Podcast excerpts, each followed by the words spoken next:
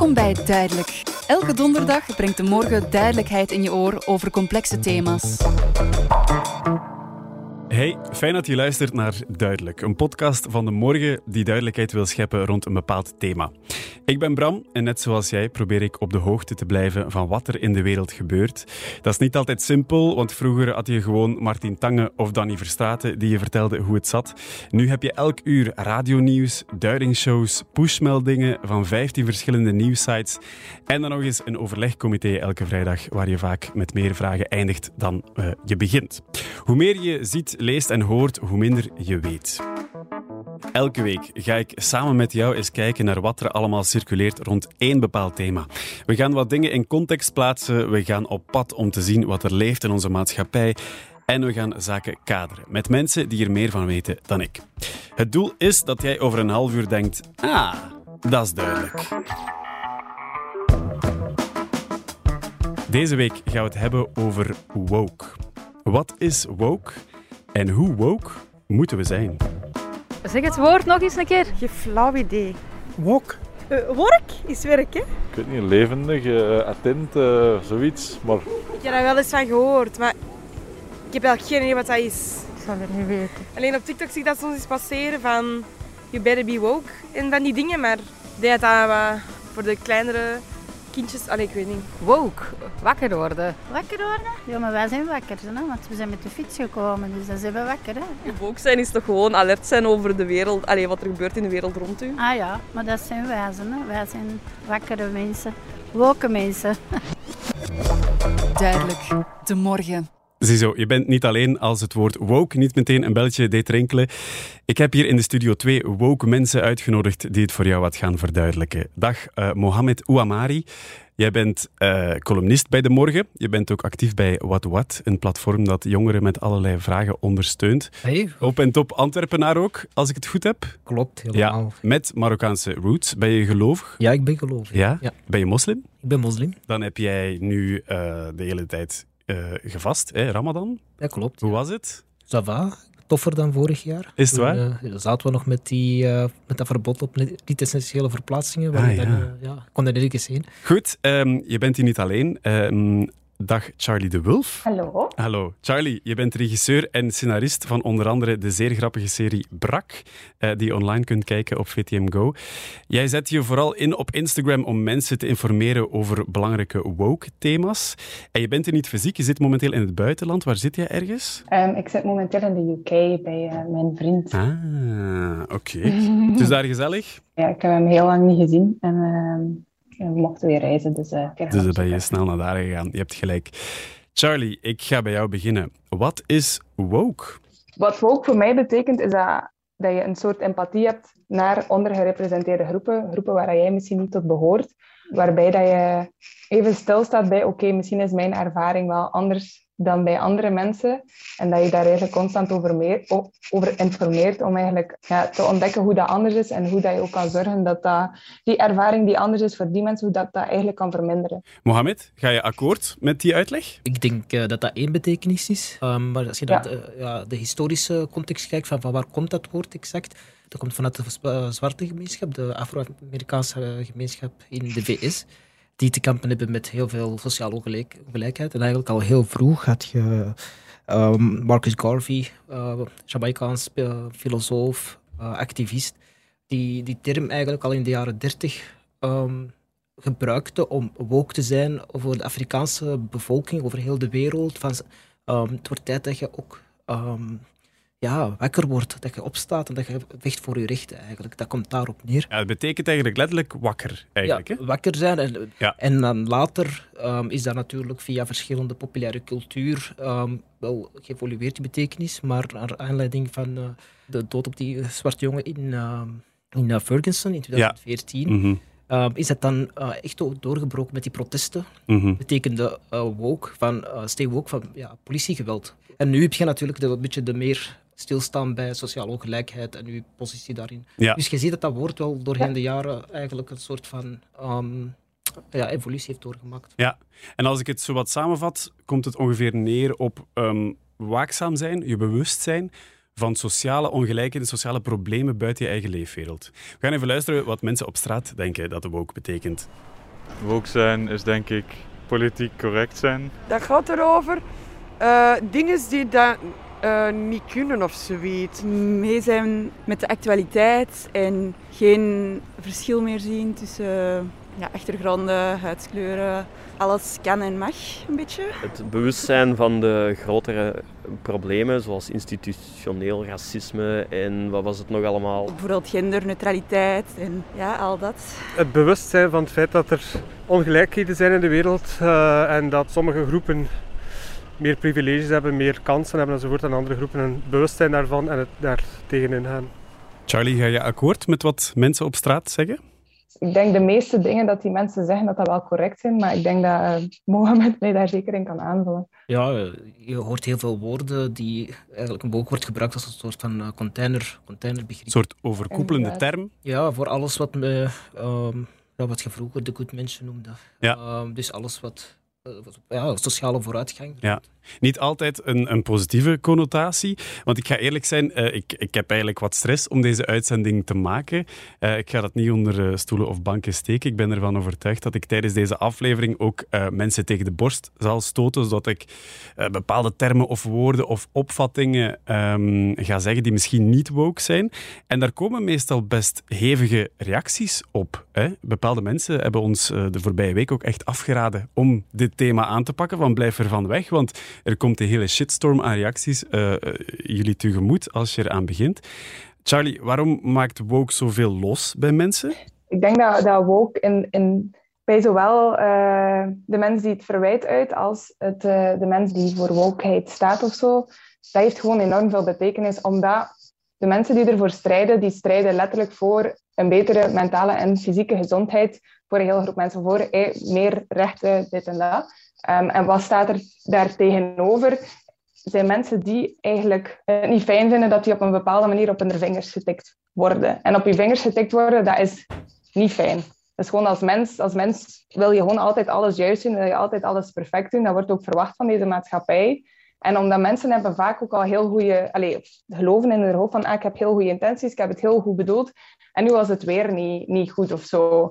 En aan de andere kant voor mensen waarbij dat, ja kijk, je doet wel een beetje je best, maar door de fouten die je nog steeds maakt, omdat jij niet geïnformeerd bent, dragen wij er de gevolgen van. Um, en dat is nu nog, dan spreek ik nu nog over de mensen die willen, uh, die willen hun best doen en willen hun goede intenties doen. Er zijn mensen die vinden dat, dat het sowieso allemaal al overdreven is en dat ze sowieso al vinden dat er dingen worden afgepakt van hen. En dat komt omdat ja, die bepaalde personen hebben nooit, die hebben misschien een beetje minder ongelijkheid ondergaan. Die hebben misschien nog nooit zich extra moeten verdedigen bij een job of een job niet gekregen door hun, door hun naam of hun genderidentiteit of zo. En nu wordt dan voor de eerste keer van hen, in hun ogen, hen iets afgepakt of zo. Terwijl als ze even stilstaan van oké, dit voelt voor mij al niet fijn, hoe zou dat dan moeten zijn voor al die ondergerepresenteerde groepen die hier elke dag mee te maken hebben. Ja, oké. Okay. Um, ja.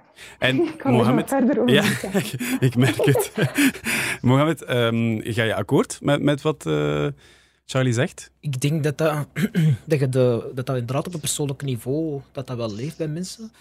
Um, dat mensen inderdaad soms wel het gevoel hebben van ik mag hier, ik moet extra voorzichtig zijn of ik, ik word hier, hier meteen afgeschoten of zo. Maar ik denk dat dat komt ook omdat dat een politieke lading ook aan zit. Waardoor dat er een soort van ja, machtsstrijd ontstaat van uh, wie bepaalt wat kan en wat niet kan ja. doen. En ik denk dat dat ook grotendeels mm -hmm. wordt aangewekkerd door radicaal rechtse partijen bijvoorbeeld, die dat gevoel ook gaan aanwekkeren. Want op zich, niemand verplicht u iets om te doen. Er wordt gewoon gevraagd van houd rekening met sommige zaken, we evolueren, de samenleving evolueert enzovoort. En er is de mensen die voor sociale gelijkheid strijden, dat zijn geen onmensen, die weten dat dat tijd kost. Maar daar gaan andere partijen daar, dat vuur gaan aanwekkeren om het gevoel te geven van ja, maar morgen mocht je niks meer. En dat is ja, een vorm ja. van desinformatie. Mm -hmm. En het is echt een politieke strijd. Dus eigenlijk links, Ja. om het heel zwart-wit uit te drukken, zegt dan van kijk, eindelijk komen de minderheden eens voor zichzelf op en, en luister naar iedereen, iedereen inclusief.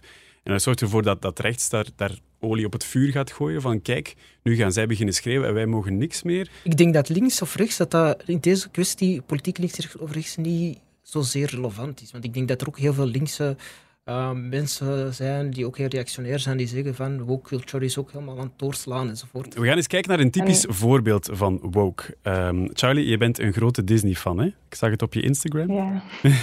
Wat ja. heb je met Disney? Gewoon enerzijds omdat ik ben met, met Disney opgegroeid, dus ik had daar, keek daar naar op, maar ik vind dat Disney nu niet meer allee, altijd even relevant is, zeker wat dat er vroeger was. Omdat Disney van vroeger zo, ja, soms al een keer de bal mislaat. De bal mislaat, klopt. Disney heeft klappen gekregen de voorbije jaren, omdat veel van hun films is onder de loep zijn genomen door uh, wokers, zoals Charlie bijvoorbeeld.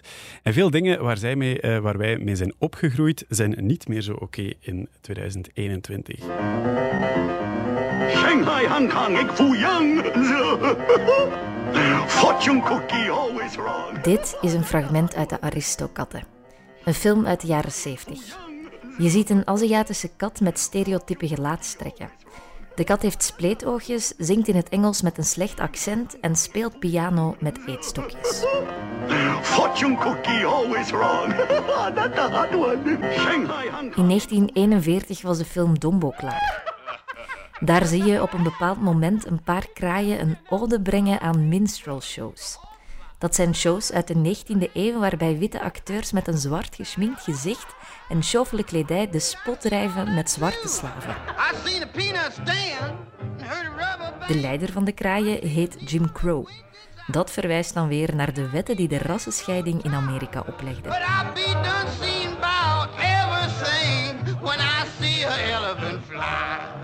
In 1953 was er Peter Pan. De Native Americans worden daar opnieuw op een erg stereotype manier verbeeld. Saying? He says, Peter Pan, mighty warrior. Ze praten een onverstaanbare taal en er wordt naar hen verwezen als redskins, roodhuiden. Teach him, pale-faced brother, all about red man. Good. This should be most enlightening. Uh, what makes the red man red? When did he first say us? say us? Why did he ask you En dan is er Jungle Book. Now I'm the king of the swingers, oh, the jungle VIP. Een film uit 1968 waar apenkoning King Louis zorgt voor ophef. I wanna be a man, man cub. King Louis wordt er afgebeeld als een luierik die Dixieland jazz zingt. Sommige mensen zien er een negatieve verwijzing in naar de Afro-Amerikanen. En dan is er ook nog Lady en de Vagebond. Daar ligt het probleem bij de twee Siamese katten. We are Siamese, if you please. Ze zijn venijnig en vreed en ze worden opnieuw extreem stereotyp afgebeeld. Het zijn Aziatische katten met een gek accent en spleetogen. Bovendien zijn ze getekend met konijnentanden. En dat is het beeld dat vroeger in Amerika gebruikt werd om karikaturen te tekenen van Aziaten. De katten werden een jaar geleden wel geschrapt uit de remake van Lady en de Vagebond. En vorige week kwam Disneyland in opspraak voor een nieuwe attractie van Sneeuwwitje. De attractie heet Snow White Enchanted Wish, maar past niet meer in deze tijdsgeest. Zoals in de originele film uit 1938 zie je de prins Sneeuwwitje uit haar coma kussen. Maar dat kan niet, klinkt het. Sneeuwwitje heeft nooit ingestemd met de kus en een vrouw kussen zonder toestemming past niet meer in de huidige tijdsgeest. Disney heeft nu een label toegevoegd aan veel van hun films. Een soort waarschuwing naar de kijker toe dat de film niet meer van deze tijd is. Veel mensen vinden dat overdreven. Charlie, wat vind jij daarvan? Ik vind dat maar niet meer dan normaal dat ze in sommige gevallen het gaan verwijderen en in sommige gevallen een label gaan toevoegen. Omdat het ding is gewoon dat ze media als een waarheid gaan aannemen. Dus als mensen zoiets gaan zien, gaan, gaan ze denken van oké, dit is hoe dat, dat je mensen van kleur behandelt, dit is je... En zeker als je jong bent, want ik heb dat nu zelf gehad met een post dat ik gemaakt heb over Aladdin. Um, ik had helemaal niet door dat dat xenofoob was. Dus ik had daar een post over gemaakt die te maken had met de Ramadan. En dan hebben mij heel veel mensen daarop gewezen van... Oei, misschien niet de ideale combinatie, want er zijn daar wel wat foutjes over gemaakt. Mocht dat toch een waarschuwing gehad hebben, en ik dat gezien had als ik jong was, ging ik daar misschien al twee keer bij stilgestaan hebben van, ah ja, waarom is dat fout? En daar misschien iets van opzoekingswerk rond gedaan hebben. Of mijn ouders gingen me dat uitgelegd hebben. Waardoor dat je eigenlijk al een hele bevolking educate um, met heel, weinig, allee, heel kleine moeite. Um, en het is in die zin dat ik ook bedoel van, kijk, op die manier wordt dat, die, dat educaten veel breder gedragen door enkel, dan enkel de ondergerepresenteerde groepen. Dan gaat Disney dat echt ook meedoen, wat dat heel fijn is. Er hangt ook een beetje een negatieve connotatie aan woke. Hè? Van mensen die heel hard hun best doen om heel hard te schreeuwen dat ze zich bewust zijn van alle problemen. Ik vind soms de meningen belachelijk. Dat is, dat is gewoon, ja, iedereen mag een mening hebben. Maar ik heb zoiets van, over zo'n stom, luttige dinges, nee, dat vind ik erover. Man. Ik vind wel, je moet er wel mee bezig zijn, want uh, wereldproblemen zijn ook uw problemen. Maar ja, ik zou ook niet op alles beginnen zagen. of niet op alles beginnen kritiek uiten, want sommige dingen zijn ook gewoon traditie of um, standaard in onze maatschappij. Ja, zeurpieten vind ik niet waar. Uh, want ja, als, er niemand, als niemand het erover heeft, dan ja, gaat er ook niet echt iets veranderen. Ik heb ze weet van, ik heb andere meningen, zij heeft andere meningen. Slaagt dat bij en we komen wel tot een resultaat.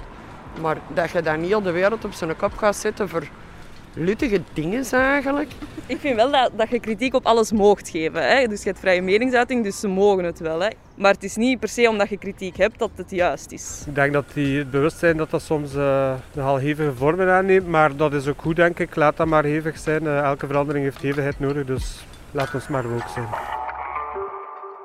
Ja, of je er nu dichtbij staat of veraf staat, iedereen heeft er wel echt een mening over. Hè? Dat valt op. Ik merk persoonlijk dat er naast de, de wokers, om het zo te zeggen, en de anti-wokers nog een derde groep bestaat, namelijk de grootste groep, waar ik denk ik ook uh, toe uh, behoor. Maar hoogstwaarschijnlijk ook je, je, je vrienden, je buren, je familie, um, verre kennissen. Mensen die echt wel heel graag hun best willen doen om iedereen correct aan te spreken en respectvol te behandelen, niemand te beledigen, maar gewoon ook moeite hebben om nog te weten hoe. Charlie, kun je erin komen dat het voor de meeste mensen ook wel echt heel veel is? Ik denk dat er door um, sociale media uh, een, een, een, stem gegeven is aan, een, aan heel veel mensen die daarvoor geen stem hadden. En die Mhm. daarvoor ook geen middel hadden om grote bedrijven of zelfs gewoon mensen die fouten maken, om die daarop aan te spreken. Dat is nu wel het geval. Waardoor dat eigenlijk dingen die al heel lang misliepen, nu allemaal plots benoemd kunnen worden. Dus in die zin lijkt dat misschien dat dat veel is, maar het is gewoon een heel lange tijd dat er niet geluisterd werd. Um, en ik denk dat het veel lijkt omdat het gewoon nog niet geïntegreerd is in de samenleving. Het is niet het curriculum op school is nog niet aangepast. Dat, dat, dat wordt niet zo snel aangepast. Misschien als dat al meer in het onderwijs zou zitten, dat, dat mensen daar al... Um, Als het wat breder zou gedragen worden, de informatie, zou het misschien Ja. allemaal behapbaarder zijn. Ja, dat denk ik, denk Ga je ik wel. akkoord, gewoon... Ik vraag me gewoon af, in hoeverre is dat ook ehm, is dat terecht, die, die angst om iets verkeerd te doen? Ik bedoel, de meeste mensen, hoeveel mensen kennen non-binaire personen, hoeveel mensen kennen, allee, misschien in, in een stedelijke context waar je daar bij mensen met migratieachtergrond, dat je veel mee in contact komt misschien, maar hoeveel mensen kende je waar je iets bij eh, fout kunt doen? En als je die mensen ook in echt tegenkomt en je babbelt daarmee, Allee, we zijn ook gewoon normale mensen, we zijn sociale wezens. Als Ja. je dan een foutje maakt, dan word jij daar misschien op aangewezen. Maar dat is niet, denk ik, het grote probleem. Ik denk dat het vooral lijkt op het internet, omdat dat typisch discussies zijn, waarbij het lijkt alsof dat mensen geen fouten meer maken. Ja, Ik ja. denk in, in, in het echte leven... Dingen worden uitvergroot op het internet. Ik denk dat wel, want ik denk in het echte leven, we zijn mensen, we komen met elkaar in contact en ik denk dat we perfect met elkaar kunnen samenleven. Ik, heb- ik kan me niet voorstellen dat er mensen elkaar de hoofd elkaar inslaan omdat, je, omdat ze mij bijvoorbeeld een andere Mhm. eh, nationaliteit toe-eigenen dan dat ik Ja. ben of zo. Dus, dat gebeurt soms als ze mij zeggen van waar zit je of zo. En dan, Oké, dan zeg ik van ja, ik ben gewoon van België en dan babbel je er gewoon mee. Ja, ja. Snap je? Dus op zich is dat is er geen grote discussie of zo. Ik denk dat gewoon op social media dat die discussies heel heftig zijn. Ja. Of lijken hevig over te komen. En dat is denk ik gewoon heel hard door social media of door bepaalde mediafenomenen, zoals ik dat noem. Dat is zo gewoon een opiniestuk of een, of een column of iemand die een, een uitspraak doet, een acteur. En daar wordt dan heel hevig op gereageerd. Ja. Maar dan plots beginnen mensen dat dan heel persoonlijk te nemen en dan zeggen ze, oh shit, we mogen niks meer. Want Ja. En ik denk dat dat het verschil moet maken. Het verschil maken tussen wat op het internet leeft, wat er in de media leeft enzovoort. Het eigenlijk terug een beetje naar, naar de gewone Ja. wereld te halen en gewoon met elkaar te Ik, praten. kan, allee, ik weet niet, ik zelf heb nooit echt een groot conflict meegemaakt wat betreft daar over die topics. In, en ik kom best wel met heel veel mensen in contact. Ik weet niet hoe dat bij Charlie is, maar ik denk ook niet dat ze... Ja, Charlie, misschien proef op de som. Jij bent een non-binair persoon. Hè? Dus dat wil zeggen dat jij nog vrouw, nog man bent. En dat zorgt ervoor dat jij verkiest dat mensen je aanspreken met andere voornaamwoorden. In plaats van hij of zij Mhm. loopt, verwijzen mensen naar jou met die loopt. In plaats van zijn of haar Mhm. loopschoenen gebruiken mensen bij jou hun loopschoenen. Ehm, hoe belangrijk vindt je het zelf dat mensen jou correct aanspreken? Als je mij gewoon op straat zou zien lopen, denk ik dat veel mensen eruit gaan, van uitgaan van ah, dat is een vrouw, omdat mijn genderexpressie nogal vrouwelijk is. Dat is ook oké als mensen dan per ongeluk de verkeerde voornaamwoorden gebruiken. Ik ga die verbeteren en als ik die verbeterd heb, verwacht ik dat ze daarna proberen om het juiste te doen. Die gaan nog altijd fouten maken, want het is pas als je heel veel in iemands omgeving bent dat dat niet meer, dat dat niet meer gebeurt. Maar ik ga niemand afschieten omdat hij de verkeerde voornaamwoorden gebruikt. Wat dat ik niet fijn vind, en dat dus gebeurt, ehm, is dat ik er iemand op aanspreek van ah, in je caption heb je het verkeerde voornaamwoord gebruikt en dat die dat niet wil verbeteren, gewoon omdat hij wil bewijzen aan mij dat ik zo gezegd die niet kan zeggen wat dat hij moet doen. Maar ik heb dat niet ehm, agressief of onbeleefd gevraagd. Ik had Mhm. gewoon gevraagd van kijk, gebruik gewoon de juiste voornaamwoorden. Ehm, en daar ligt het verschil. Als jij dan zoiets zegt van ja, maar ik vind dat ik bij mijn mening moet blijven. Jouw mening schaadt mijn mentale gezondheid. Dat zorgt dat mensen eh, mijn genderidentiteit gaan ontkennen. En daar ligt voor mij zo'n beetje de, de grens. Maar dat die dan op mij gaan reageren van ja, maar je mag dat niet zo tegen mij zeggen. Dan hebben we het niet over wat dat er fout loopt. Dan ben jij mij eigenlijk aan het zeggen van ik voel mij niet comfortabel op de manier dat jij mij aanspreekt. Ehm, Maar die is ook gewoon boertig. Hè? En- Dat is, echt gewoon, Ja. dat is gewoon onbeleefd. Dat- als je zegt, eh, Ja. ik wil liever zo genoemd worden of ik wil op deze manier behandeld worden en je reageert erop van nee, dat ga ik niet doen. Ja, ben je gewoon boeren. Allee, met Ja. alle respect voor boeren natuurlijk. Dat is ook met, met, met Laat ons ook blijven tegenover boeren ook, natuurlijk. Ja. Ehm, Dat is, eh, ik, ik, hoor, ik hoor eigenlijk eh, respect. Ik hoor de manier waarop het aangebracht wordt. Ik hoor veel over sociale media. En ehm, ja, dan zou ik graag eens gaan naar Mia Doornaert. Mia Doornaert is ehm, een beetje gezien als een tegenstander van de, van de woke-beweging. Ze was jarenlang journaliste voor De Standaard, nu niet meer. Ze is ondertussen 75. En als we echt een woke-debat willen voeren, dan moeten we natuurlijk ook tegenstemmen laten horen. Woke betekent eigenlijk waakzaam zijn. En op zich is daar niets mis mee.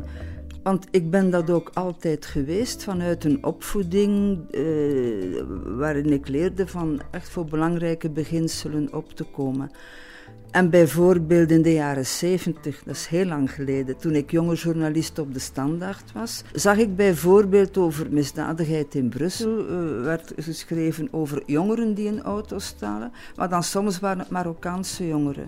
En dan ben je daar waakzaam over en dan zeg je, bo, dat is een term van later, dat is stereotyperen. Ofwel benoem je iedereen, jonge Vlaming, jonge Belg, ofwel niemand. Dus in die zin is woke op zich zeer goed. Maar waar het fout gaat, is dat men één zin uit het verband rukt en daar dan een interpretatie aan vastknoopt die ook oneerlijk is. En met dan onmiddellijk de scheldtirades eh, dat je nog eens racist bent, homofoob, transfoob, xenofoob, noem het maar op. Eh, en, en dat is dus een totale ontsporing van een zeer goede en normale houding, namelijk waakzaam zijn, ook op woordgebruik, waaruit vooroordelen blijken. Debatten zijn altijd heftig geweest. Men heeft altijd moeten luid roepen en strijden om tot arbeidersrechten te komen, tot de, acht uren, eh, de 40-urenweek, uh, vrouwenrechten. Maar dat heeft tot resultaat geleid. Veel meer dan pure scheldpartijen. Maar het verschil is dat in die tijd de sociale media niet bestonden. En dat nu sommige mensen, als die voor een klavier zitten van hun smartphone of hun tablet, dat die elke zin formaat verliezen en zomaar beginnen te roepen en te schreeuwen. En het gevaar is dan dat men in de Twittersfeer bijvoorbeeld, die een echokamer is van een heel kleine groep van de bevolking, dat men dat dan veel te serieus gaat nemen. Het gevaar in al dat lawaait op de sociale media is dat het niet meer over de grond van de zaak gaat. Is dat het zo begint met verdachtmakingen. Dat wordt dan steriel en dat wordt zeer contraproductief ook. Want dan wordt het allemaal zo vijandig dat er gewoon geen wetenschappelijke grond meer is. En dan is altijd mijn verzuchting, ik heb het al eens geschreven, kunnen de decibels wat lager alstublieft? Kan het een beetje rustiger, kan het een beetje serener en kan het alstublieft gaan om de grond van de zaak? Het moet een rivier zijn die ingebed is in redelijke argumenten, want anders wordt het wild geschreeuw en dan gaan we niet meer vooruit. Uiteraard heb ik geen probleem met mensen die voor iets strijden, want dat heb ik ook altijd gedaan met mijn pen. Maar het moet wel voor een constructief doel zijn om de maatschappij te verbeteren. Vrijheid veronderstelt ook altijd verantwoordelijkheid en plichtsbesef. Anders ontaart ze in anarchie. En dan krijg je een terugslag van mensen die orde willen. En orde kan dan ontaarden in tirannie. Waakzaam zijn is oké, maar maak dat het nog altijd over het onderwerp gaat. En het moet een constructief doel hebben. En niet gewoon andere mensen voortdurend aan te vallen en te kijk te zetten over al die fobieën. Dat is het probleem. De mensen zijn geen engelen. En je hebt dus ook mensen die racistische kreten slaken. Ehm, maar dat kan je niet veralgemenen tot de hele maatschappij. De meeste mensen zijn wel tamelijk netjes, beminnelijk en vriendelijk. Dat moet je er ook bij tellen. Mohamed, kun je Mia Doornaert volgen op bepaalde vlakken? Ze zegt inderdaad wel een paar zaken waar we, waar we overeenkomen. Hè, natuurlijk. Als hij zegt van ja, we moeten alert zijn voor de kern van de zaak enzovoort enzovoort. Maar alles wat zij zegt is contradictorisch over. Allee, die haalt ook arbeidersbewegingen aan, die haalt de vrouwenrechtenbeweging aan. Ik kan me perfect voorstellen dat de heersende macht toen ook zei van met dat geroep gaan jullie ook nergens komen. Dus ja. dat zijn zo wel bepaalde zaken waar ik misschien nog wel vragen bij stel. Ze zegt ook van de meeste mensen zijn best wel, oh, die racistische uh, commentaren, maar dat zijn best wel, best wel aangename mensen enzovoort. Dan denk ik, ja, maar waarom maak je dan ook dezelfde karikatuur bij woke? Dus dat je dan diezelfde redenering die maakt van sommige mensen op het internet hebben een grote mond, maar in het echt zijn dat ook gewoon simpele mensen. En je ziet dat ze heel hard probeert, zo wat, wat er op social media uh, gebeurt, dat hij dat heel hard naar de echte wereld probeert te trekken.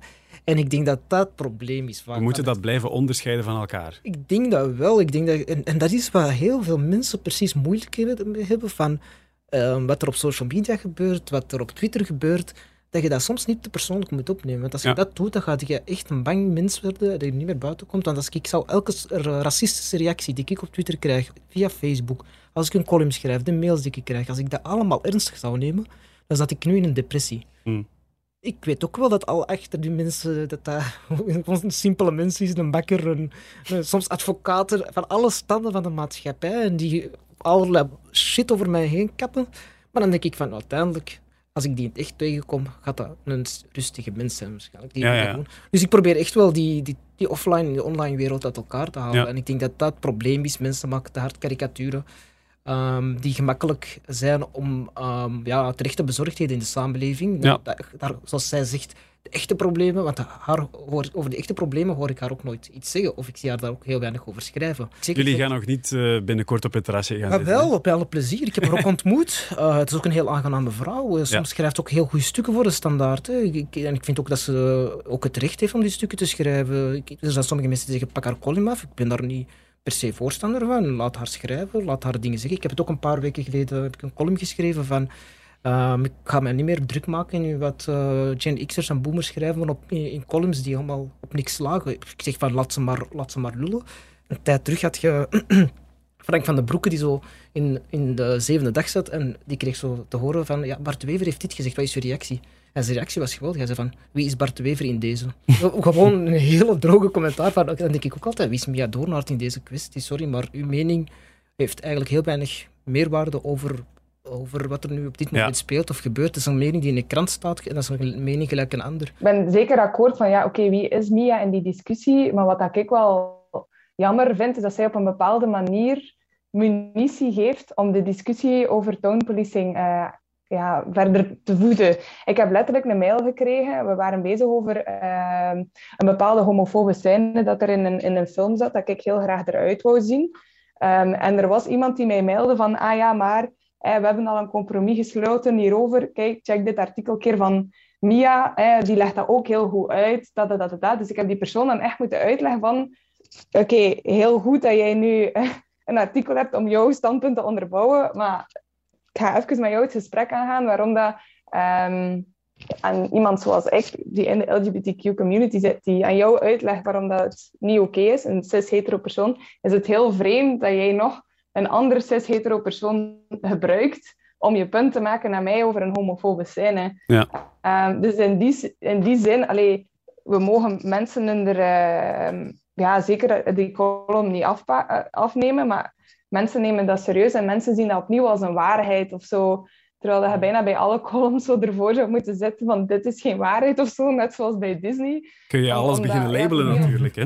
Ja, nee, tuurlijk niet. Maar dat is ook gewoon... Mensen moeten daarbij wel rekening houden dat een column is ook maar gewoon een mening of zo. Dat is Ja. geen... Maar sommige mensen staan daar niet bij stil. Dat een column blijft nog altijd een column. Daar kunnen ook fouten in sluipen. Dat is iemand, letterlijk iemands mening. Ehm, En het is niet omdat het in een krant staat dat het een journalistiek onderbouwd stuk is. Dat is ook het format van een column natuurlijk. Ja. Een column is Ja, geen ja, sowieso. stuk. Dus woke zijn heeft eigenlijk niet te maken met constant naar iedereen luisteren en iedereen, eh, iedereen's mening in, in, in, in acht nemen, maar eerder ook zo soms een beetje filteren. Ik weet niet of dat onder woke zijn, maar dat is gewoon denk ik een gezonde houding hebben tegenover wat er op social media gebeurt. Dat je daar toch wel Ja. met een gezonde blik naar blijft kijken en dat je daar zelf niet verliest. Want sommige mensen verliezen zich echt volledig in die social media. En ik denk dat dat langs alle kanten eh, gebeurt. Dat ik, ik soms denk van stap eens een keer weg van je computer of van je smartphone en ga eens met echte mensen praten in het echte leven en dan ga je zien dat het allemaal best wel meevalt. We zijn echt elkaars hoofd niet aan het, aan het inslaan. Als je kijkt wat er nu in, in, in Gaza, eh, Jeruzalem gebeurt, Mhm. daar zijn mensen elkaar aan het, aan het uitmoorden, aan het vechten, aan, aan, aan het afzien. Dat is wat echt conflict is, wat wij hier meemaken. Er zijn over en weer geschreven, een paar columns, een paar tweets, eh, waar racistisch gezegd langs mijn kant, iemand die een andere racist noemt. Is dat echt de grote, grote shit? Ja, ik weet niet. Alright, even terug naar de straat. Er zijn zoveel woorden nu bijvoorbeeld die je niet meer mocht zeggen. Of heel veel dingen. Achter alles zit iets, er zit een betekenis. En ik probeer daar echt aan te denken. Maar ja, er zijn wel momenten dat ik, dat ik er weer word op, allez, mezelf erop betrap van... Oh shit, dat, dat mag ik ook niet op die manier zeggen. Bijvoorbeeld bij, bij ons in de klas is er een leerkracht van... ehm, ik kom aan en meisjes. En dan was er een die zei van... Ja, maar u mocht dat niet zeggen, want misschien voelt niet iedereen zich meisje. En dan denk ik wel zo van... Oei, maar dat is wel... Allee, dan wordt het wel moeilijk om, om echt altijd te gaan nadenken over wat je zegt. Ik denk dat ik soms ook nog altijd schrik van die hevigheid, maar ehm, die hevigheid is nodig en dat zorgt ervoor dat witte mannen zoals wij ons bewust worden van dingen waar we ons vroeger misschien minder bewust van waren. Soms moet je wel eens een keer zo alles loslaten, want als je altijd, altijd ermee bezig bent, dat is ook vermoeiend misschien wel. Hè? Ik denk als we gewoon ons gezond verstand gebruiken en in plaats van opportunistisch een beetje ethisch denken, dat we al heel ver komen. Ik weet niet of het moeilijk is om woke te zijn, maar ik denk altijd niet dat het moeilijk is om respectvol te zijn tegenover eh, elkaar. Dat was de spreuk van mijn moeder. Doe nooit niks aan een ander wat je zelf niet graag hebt. Dus. Mensen op straat hebben het gevoel dat ze vooral veel fouten kunnen maken. Charlie, wat vind jij daarvan? Ik post er inderdaad veel over, maar dat is omdat ik eigenlijk zelf ook heel hard in een leerproces zit. Ik maak constant fouten, ook zelf als persoon op mijn post in het werk dat ik maak. Maar ik doe dat omdat ik vind dat als mediamaker dat ik een beetje zo'n verantwoordelijkheid heb om zo die, te tonen van kijk, ik maak fouten en ik probeer. En zo kun je daar ook mee omgaan met fouten maken. Als in van tonen van dit is eigenlijk helemaal niet zo erg. Ehm, want als ik nu zou bang zijn voor bijvoorbeeld ehm, een post te maken of er iets over te zeggen, ehm, dan, dan, ga, ik mij ook niet, allee, niet informeren, ga ik, ga ik niet verder iets mee doen. Niet dat ik zeg dat ik sowieso niet mijn research moet doen als ik een post maak. Ik ga heel uitgebreid research doen. Ik ga het zo, goed mogelijk doen als ik kan. Maar vanaf dat ik een fout maak, ga ik dat ook proberen recht te zetten. Ga ik mij nog meer, nog verder informeren over nog meer input dat ik krijg. Dus eigenlijk die Ehm, angst die ik voelde in het begin van deze uitzending om dit te maken, om mij hieruit eh, te mengen in deze discussie, om het te zeggen, is volledig overbodig volgens jullie. Ik denk dat wel, want je kunt... Allee, het feit dat je dit gedaan hebt, daardoor ga je er al heel veel meer over weten. Dus als jij ooit nog in een vriendengroep in zo'n discussie terechtkomt of zo, kan jij hen ook al zo aanwijzen van... Ah, eh, nee, het is eigenlijk niet zo dat de wokies eh, alles afpakken, want x, y, z.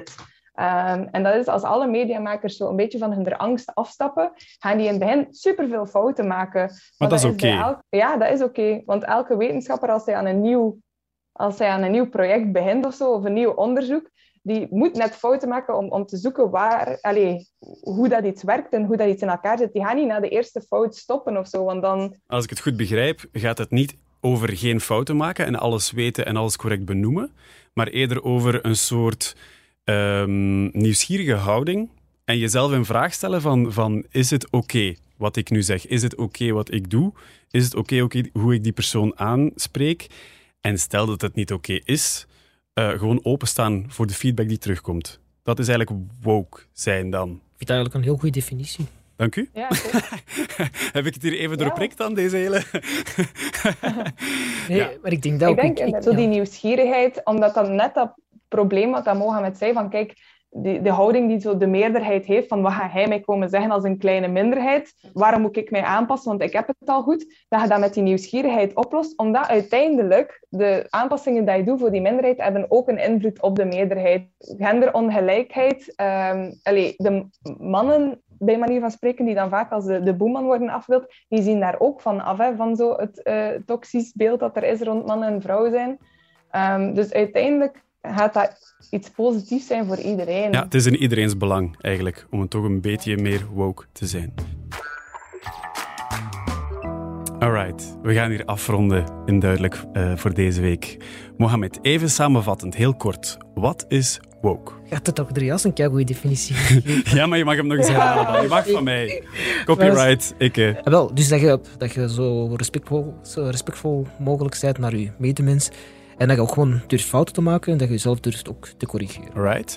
En Charlie, hoe woke moeten we zijn? Ik denk dat we dat weer kunnen terugvallen op jouw, nieuws, op, eh, op jouw definitie. Probeer gewoon zo nieuwsgierig mogelijk te zijn, want de grens gaat toch altijd blijven verlegd worden. Ehm, dus probeer gewoon zo nieuwsgierig mogelijk te zijn en zo open mogelijk te zijn. En stap voor stap. Je kan niet van de ene dag op de andere dag super, super woke zijn, maar je kan het wel proberen. Het is een proces en het zal altijd een proces In blijven. de, in de Voxpop zei- zeiden twee personen.